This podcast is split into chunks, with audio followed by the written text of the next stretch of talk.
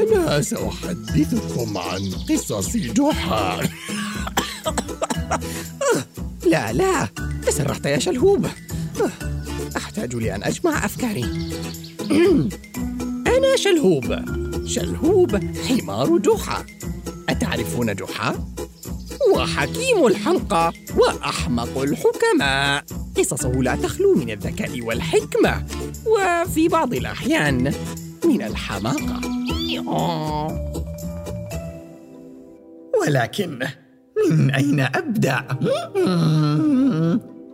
أوه تذكرت واحدة. هذه قصة عن يوم غريب. وجدت نفسي أرافق فيه كريمة بدلا من جحا وعن الفتاة الموهوبة التي ساعدتها كريمة. طوال معرفتي بجحا كنا نذهب أنا وهو إلى السوق لشراء احتياجات المنزل الأسبوعية من خضار وفواكه وخبز وأجبان كل يوم أربعاء. إلا أنه أتى يوم أربعاء حيث استيقظ جحا في الصباح وقد أصابه صداع فظيع وألم في حلقه وكان يعطس دون توقف. فحاول مناداة أدهم ليطلب منه الذهاب إلى السوق بدلا منه. أدهم! أدهم! أدهم ليس هنا يا عزيزي. فقد أتى صديقه غيث وذهبا معا للمدرسة. ماذا تريد منه؟ كنت كنت أريد أن أطلب منه. الذهاب إلى السوق بدلا مني اليوم. آه يا عزيزي يبدو أنك مصاب بزكام. دعني أحضر لك الشاي مع العسل والليمون. ولكن يا كريمة ماذا عن ماذا عن احتياجات البيت؟ علينا شراؤها اليوم لأن لأن قريبي خالد. وابنه مازن سيزوراننا غدا. وعلينا تحضير وليمة وليمة هائلة لهما. لا تقلق. سأذهب أنا لشراء احتياجات المنزل. ما عليك إلا أن ترتاح. لا لا لا. لا لا يا كريمة لا أريد أن أتعبك بهذه المهام. أظن أنني قادرة على تحملها. سآخذ شلهوب لنذهب للسوق. كل شيء سيكون على ما يرام. أنت فقط ارتاح. كي تتعافى بسرعة يا عزيزي. شكرا يا عزيزي. شكرا يا عزيزتي لأني بالفعل لا أظن أن باستطاعتي الذهاب. ألم يأخذ أحد رأيي أنا في هذه الخطة؟ دعوني أكون صريحا معكم أنا وكريمة نادرا ما نقضي أي وقت سويا بدون جحا أو أدهم والآن علي قضاء اليوم بأكمله معها ماذا سأقول لها؟ ماذا سأفعل؟ هل هل تحب التفاح؟ القش؟ أدهم؟ فانطلقنا وبينما نحن في الطريق. لاحظت أنها سلكت طريقا مختلفا عن الذي يسلكه جحا للذهاب إلى السوق. فتوقفت قليلا محاولا أن أنبهها إلى أن الطريق خطأ. لكنها أصرت على المضي فيه. فما كان بيدي حيلة. ولكن الغريب أننا وصلنا إلى السوق بسرعة كبيرة. مما يعني إن هذا الطريق مختصر. فلماذا لا يسلكه جحا؟ فاشترينا احتياجات المنزل جميعها بصمت محرج ولا حس من المغامرة. آه. الحق يقال تمكنا من الانتهاء بوقت أسرع من العادة ولكن بأي ثمن؟ فلم نقع في أي ورطات مسلية. ولم نقابل أي شخصيات غريبة. ولم نقم بأي مقالب مضحكة. كيف تعيش كريمة بهذه الطريقة؟ على أي حال ونحن مغادران من عند الخباز. سمعنا صوت بكاء فتاة. فاتجهت كريمة نحو الصوت. وبالفعل وجدت فتاة صغيرة جالسة على الرصيف تبكي. أوه. فدنت منها وسألتها عفوا يا عزيزتي ما المشكلة؟ لم تبكين؟ لا لا شيء ليس عليك التظاهر معي يا عزيزتي اسمي كريمة ما اسمك أنت؟ اسمي ميار اسمك جميل يا ميار أتعرفين ما معناه؟ لا معناه الجالبة للخير. وأنا متأكدة أنه اسم على مسمى. فقولي لي يا ميار لما تبكين؟ فأنا أريد أن أساعدك إن استطعت. في الحقيقة يا خالة كريمة أنا ابنة الحداد عقبة الذي تقع ورشته هناك في آخر الشارع. أنا ابنته الوحيدة وحلمي أن أعمل بالحدادة مثل أبي. ولكنه يمنعني من ذلك. فذهبت البارحة إلى الورشة بينما كان نائما وقمت بصناعة قالب لسيف لأريه أنني ماهرة وباستطاعتي أن أساعده.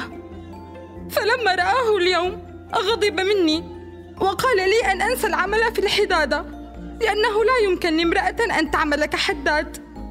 وأمرني أن لا أعود إلى الورشة أبدا. لم ينظر حتى إلى القالب الذي صنعته آه هذا مؤسف حقا نعم فقد كانت فكرتي أن أصنع سيفا يختلف عن باقي السيوف في وزنه وطوله بدون التأثير على حدته وفعاليته هذه فكرة مبتكرة بالفعل هم. أه ميار أيمكنك أن تدليني على مكان الورشة بالضبط؟ وارتسمت على وجه كريمة نظرة غريبة لم أتعرف عليها ما الذي تريده من الورشة؟ زاد فضولي فتبعتها إلى الورشة الصاخبة وجدنا والد ميار يعمل بكل جد على صقل سيف كبير وجميل جدا. فلما دخلت كريمة نظر إليها الحداد باستغراب وقال يبدو أنك أخطأت بالعنوان يا سيدتي. فصائغ المجوهرات في الدكان الذي خلفنا. لا أبدا. أنا هنا لشراء سيف. آه نعم. أهلا وسهلا. تفضلي. هل يفضل زوجك التصميم العثماني أم الهندي أم الفارسي؟ فكلها موجودة عندي. السيف ليس لزوجي. إنه لي أنا. آه لك أنت. آه نعم نعم حسنا. لم لا؟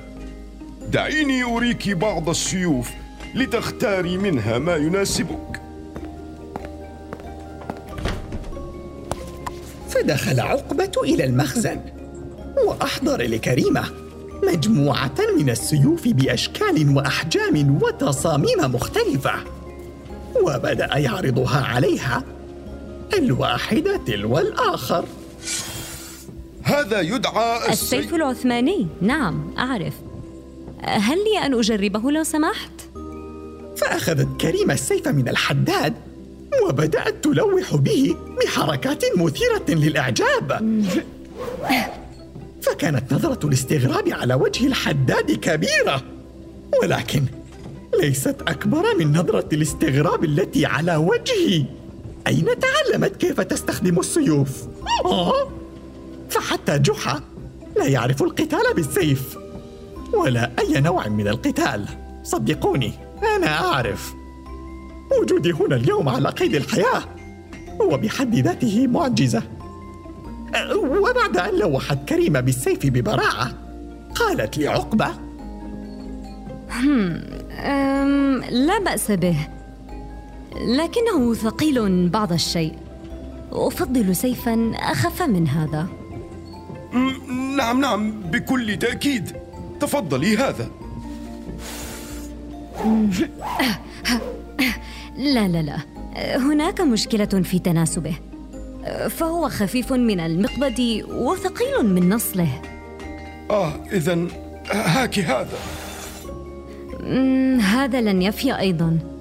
فالنصل طويل جدا ولا يناسب طولي. ماذا لديك غيره؟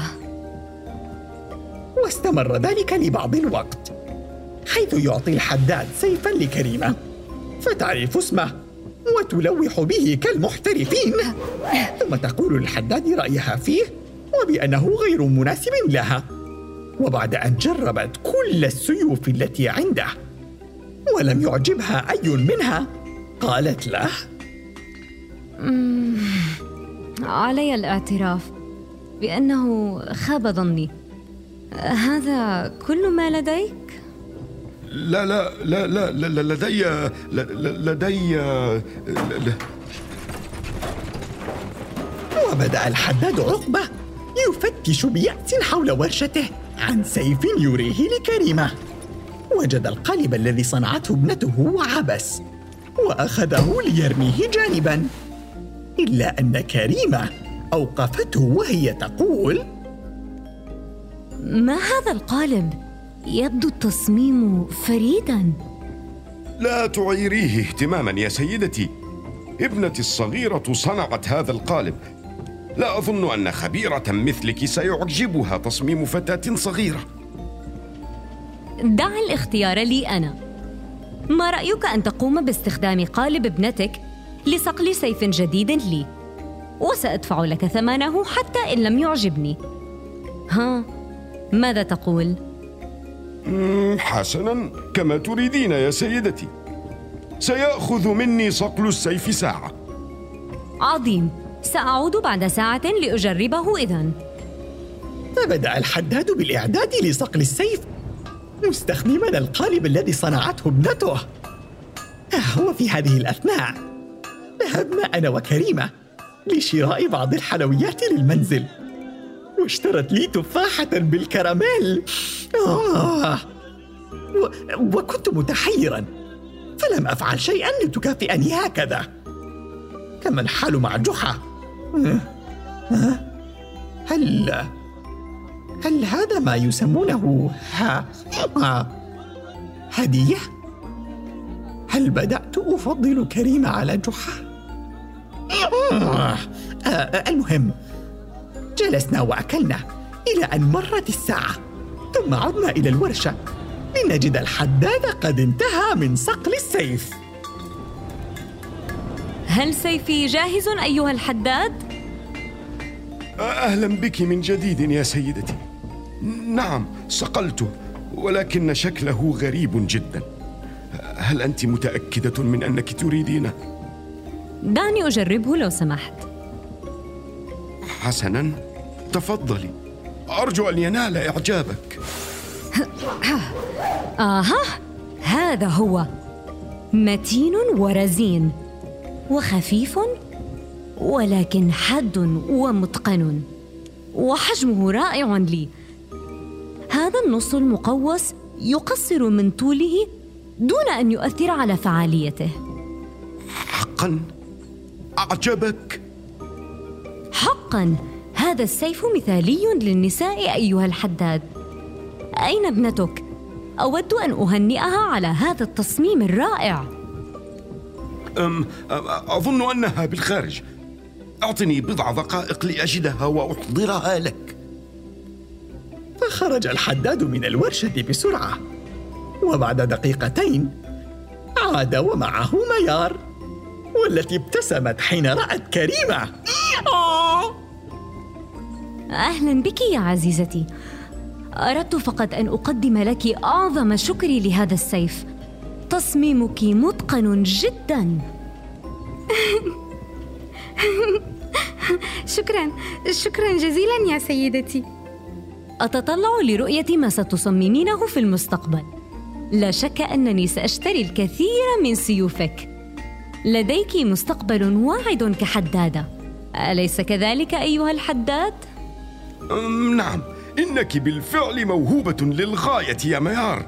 فلم ينل أي سيف آخر. إعجاب السيدة كريمة. إياك وأن تهدر هذه الموهبة النادرة. التي لدى ابنتك يا حداد. وهاك ثمن السيف. لا لا لا لا. سأحرص على أن تعمل معي ابنتي لتنمي من موهبتها. شكرا يا سيدتي. وبابتسامة خرجت كريمة من المتجر ومعها السيف. وأخذنا بالعودة إلى المنزل. إلى أن أوقفتنا ميار المنادية عند مخرج السوق. التفتنا لنراها راكضة باتجاهنا. شكرا. شكرا جزيلا يا خالة كريمة. لقد قال أبي أنني من الآن فصاعدا. سأساعده في الورشة. إلى أن تصبح الورشة لي. سأصبح حدادة لا تشكريني يا ميار. فما فعلت إلا أن أريت أباك ما كان أمامه. أنك ماهرة وموهوبة. ولا تدعي أحدا يقنعك بخلاف ذلك أبدا. طبعا. أعدك يا خالة كريمة. وبالفعل. آه منذ ذلك اليوم بدأت ميار بمساعدة والدها في الورشة وأصبحت نساء من جميع أنحاء المملكة تأتي لتشتري السيوف منها. وكما كان يقول جدي شلهوب الرابع لا تقتصر الإمكانات والموهبة على أشخاص معينين. ويجب السماح لأي حمار أقصد للجميع بالعمل بأي مجال يريدونه إن كانوا يريدون ذلك العمل ولديهم شغف به. وأما بالنسبة لي وكريمة فبعد يومنا الممتع أصبحت أتحمس للأوقات التي تسنح لنا الفرصة لقضاء الوقت معا. فكريمة ظريفة وذكية وقلبها أطيب من الأحمق الذي هو صديقي المفضل. آه. ولكن بقي سؤال واحد. لم أكتشف جوابه إلا بعد سنوات عديدة. كيف أصبحت كريمة محترفة في القتال بالسيوف؟ آه.